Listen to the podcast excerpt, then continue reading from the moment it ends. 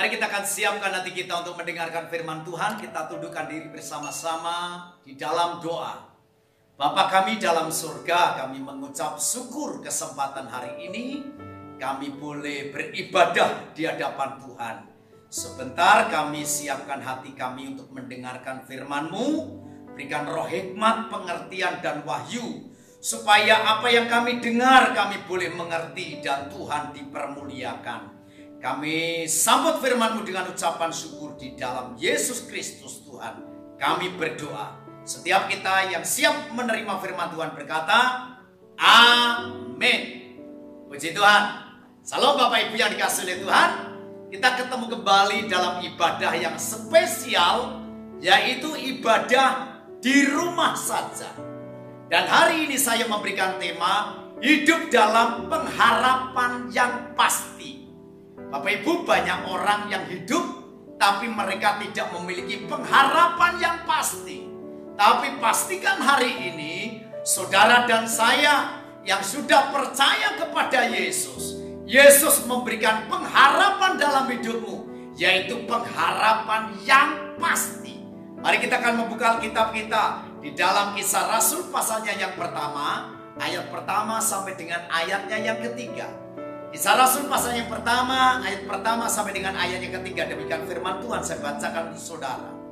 Hai Theophilus, dalam bukuku yang pertama aku menulis tentang segala sesuatu yang dikerjakan dan diajarkan Yesus.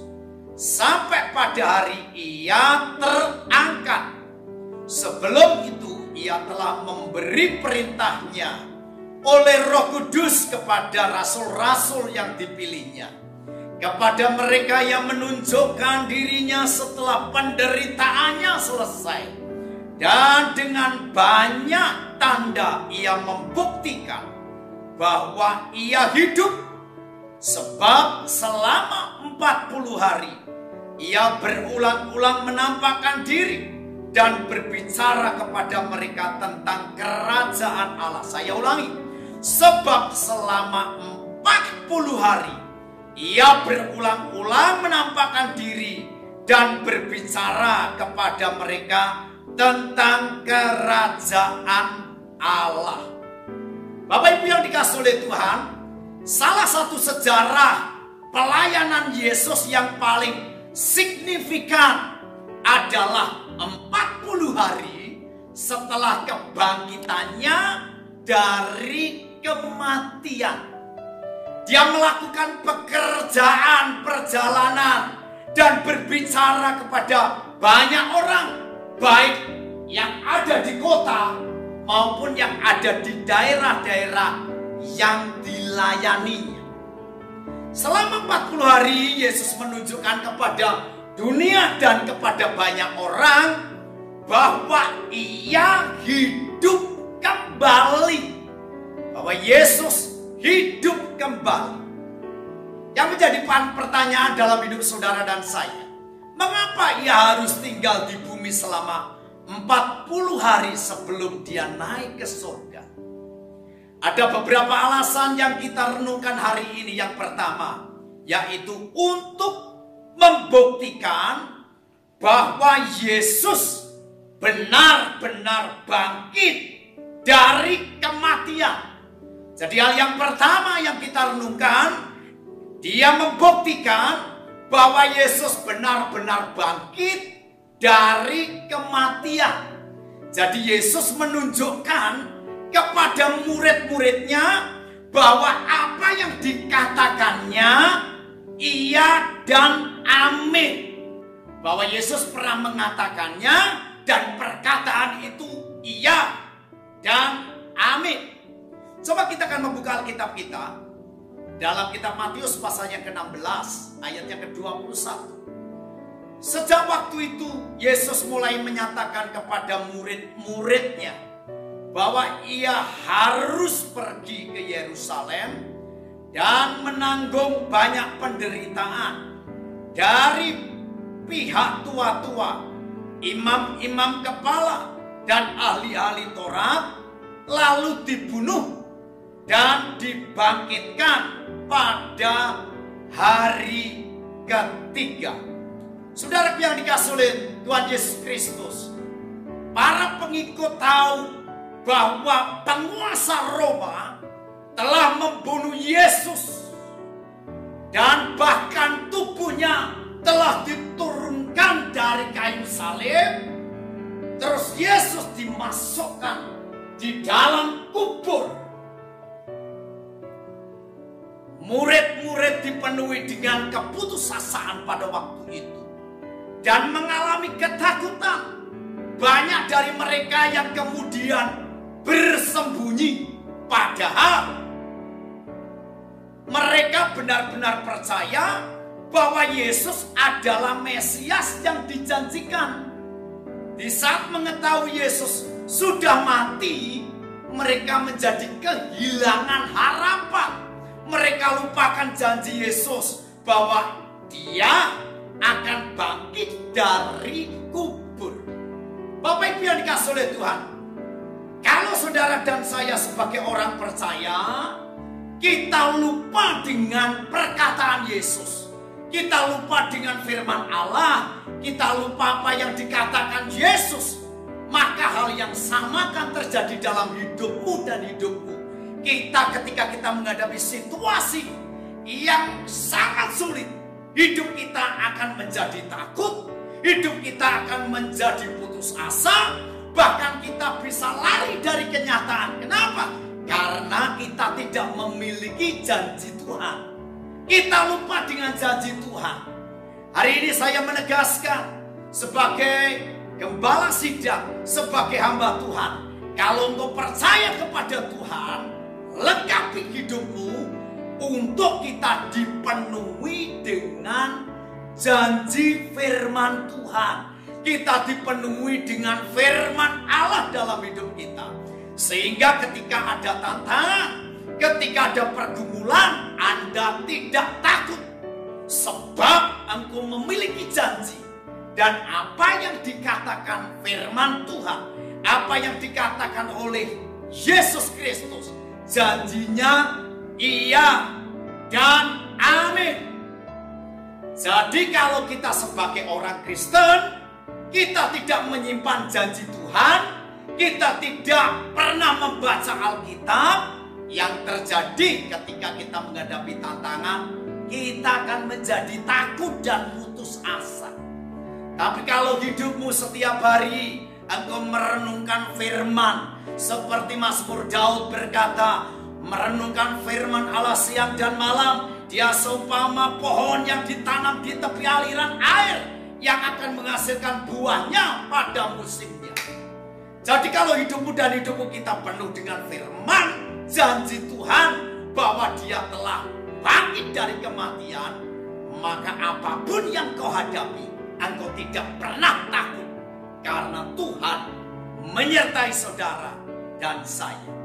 Hal yang kedua, kenapa Yesus masih hidup selama 40 hari selesai kebangkitannya dari kematian? Yang kedua, untuk mengingatkan murid-murid tentang misi yang akan mereka kerjakan. Hal yang kedua ini Yesus mengingatkan murid-murid tentang misi yang akan mereka kerjakan yaitu misi untuk memberitakan firman Allah. Yesus mengajar muridnya selama tiga setengah tahun tetapi di masa yang singkat itu, Yesus mengingatkan kembali ajarannya kepada para muridnya yang telah pergi tadi, yang telah putus asa tadi, yang telah bersembunyi tadi. Ketika Yesus bangkit, para muridnya diingatkan kembali supaya mereka ingat dan dipulihkan untuk menjalankan misi kerajaan. Kita baca dalam kitab Injil Lukas pasal yang ke-24 ayat yang ke-27. Lalu ia menjelaskan kepada mereka apa yang tertulis tentang dia dalam seluruh kitab suci. Mulai dari kitab-kitab Musa dan segala kitab nabi-nabi.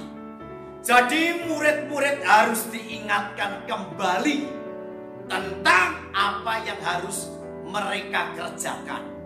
Tapi sebelum mereka pergi, Yesus mengingatkan untuk menunggu tercurahnya kuasa Roh Kudus, di mana Roh Kudus itu yang akan membantu mereka untuk mengerjakan misi kerajaan.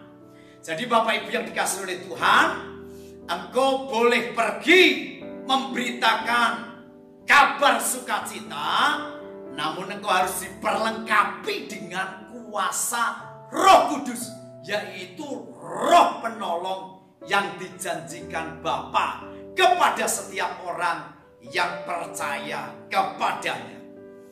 Alkitab mengingatkan kepada kita dalam kisah Rasul pasal yang pertama ayat yang keempat pada suatu hari ketika ia makan bersama-sama dengan mereka, ia Yesus melarang mereka meninggalkan Yerusalem dan menyuruh mereka tinggal di situ menanti janji Bapa. Yang demikian katanya, telah kamu dengar daripadaku. Kita meloncat ayat 8. Tetapi kamu akan menerima kuasa kalau Roh Kudus turun ke atas kamu dan kamu akan menjadi saksiku di Yerusalem dan di seluruh Yudea dan Samaria dan sampai ke ujung bumi. Jadi Tuhan menjanjikan roh penolong yaitu roh kudus yang dijanjikan Bapa kepada setiap orang yang percaya termasuk saudara dan saya kita akan dipenuhi dengan kuasa roh kudus bukan untuk kita sombong bukan. Tetapi Roh Kudus diperlengkapi dalam hidup kita untuk kita pergi untuk memberitakan kabar baik, untuk membaptis dan memuridkan orang-orang yang belum percaya kepada Tuhan. Bapak Ibu yang dikasihi oleh Tuhan Yesus. Yesus menyuruh mereka untuk pergi memberitakan kabar sukacita. Namun hari ini kita tidak boleh pergi karena uh, bangsa kita sedang mengalami pandemi virus. Jadi, tapi kita bisa melakukan pekabaran Injil melalui media sosial. Jadi kita bisa walaupun kita ada di rumah, Visi ini bisa disampaikan lewat media sosial. Kepada teman-teman kita, kepada saudara-saudara kita. Di saat-saat penderitaan, di saat-saat hal-hal yang sulit. Bumi ini, dunia ini, kehidupan ini mengalami kesulitan. Kita bisa memberitakan kabar sukacita. Yaitu tentang Yesus yang telah mati dan bangkit kembali dia Tuhan yang berkuasa dalam hidup saudara dan saya. Kita memiliki pengharapan yang pasti. Ketika kita nanti kita dipanggil Tuhan, kita juga memiliki pengharapan yang pasti. Kita pergi ke mana kita punya pengharapan yang pasti. Yaitu memiliki hidup yang kekal di dalam Yesus Kristus Tuhan. Jadi mereka disuruh untuk membaptis. Jadi orang-orang yang sudah kita beritakan, kita ajarkan, kita muridkan, kita baptis mereka dalam nama Yesus. Alkitab berkata seperti ini dalam kitab Efesus pasal 4 ayat yang kelima. Satu Tuhan, satu iman, satu baptisan. Bukan hanya itu saja, tapi kita disuruh melakukan kehendak Allah. Bapak Ibu yang dikasih oleh Tuhan, kita diberikan kesempatan kalau hari ini kita ada sebagaimana kita ada itu karena anugerah Tuhan. Dan anugerah yang dilimpahkan dalam hidup kita yuk kita mau lakukan untuk mengerjakan kehendak Tuhan. Jangan sia-siakan hidupmu karena hidup ini adalah kesempatan. Hal yang ketiga yang kita boleh renungkan. Kenapa Yesus masih hidup selama 40 hari selesai kebangkitannya dari kematian. Hal yang ketiga, untuk menyadarkan para murid bahwa Yesus tetap setia. Jadi inilah yang dikerjakan oleh Yesus. Tujuannya untuk menyadarkan murid-murid bahwa dia tetap mendampingi mereka supaya mereka sadar bahwa Yesus itu adalah pribadi yang setia walaupun kadang-kadang kita tidak setia.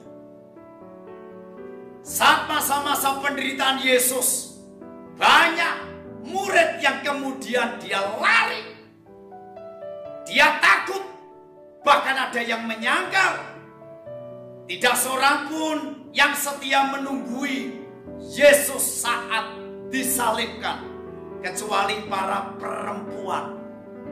Jadi Bapak Ibu yang dikasih oleh Tuhan Yesus Kristus, dalam hal ini kita diingatkan kalau Tuhan begitu setia dalam hidupmu. Pertanyaannya, apakah Anda juga setia di hadapan Tuhan? Ya Pak, saya setia ketika saya sedang mengalami pergumulan. Saya sedang mengalami kekurangan. Saya sedang mengalami sakit. Banyak orang seperti itu.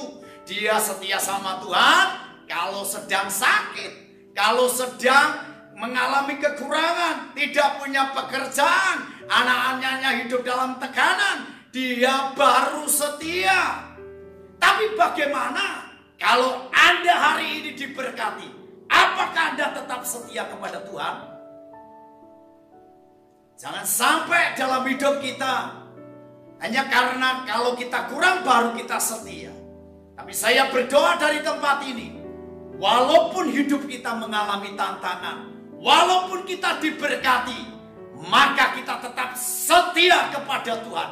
Apa pun yang terjadi, sebab orang-orang yang setia itulah orang-orang yang memiliki keselamatan di hadapan Tuhan. Alkitab berkata, setialah sampai mati.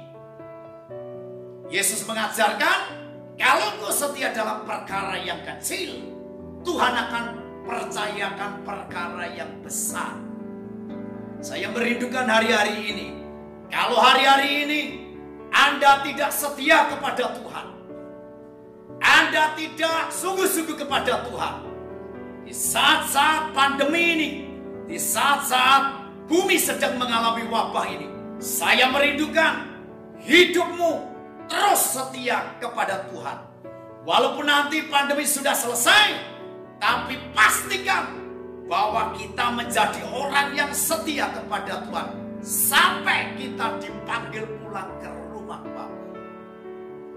Bapak Ibu yang dikasih oleh Tuhan, Tuhan masih memberikan waktu dalam hidup kita. Dia sabar untuk supaya hidupmu dan hidupku kita sadar bahwa apa yang dikerjakan oleh Yesus, Yesus sangat setia walaupun kadang-kadang kita tidak setia.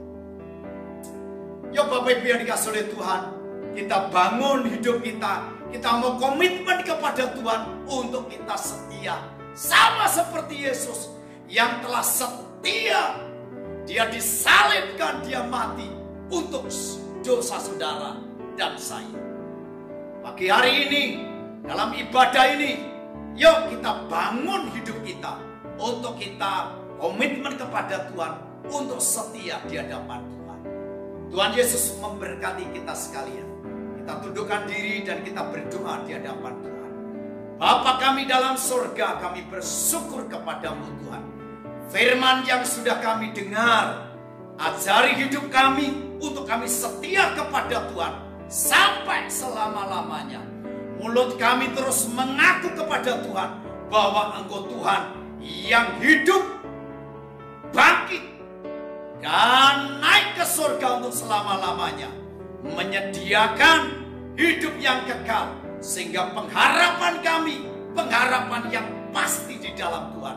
Kami berdoa setiap telinga yang telah mendengarkan firman hari ini, Engkau kuatkan iman mereka, Engkau bangun iman mereka untuk tetap setia di dalam Yesus.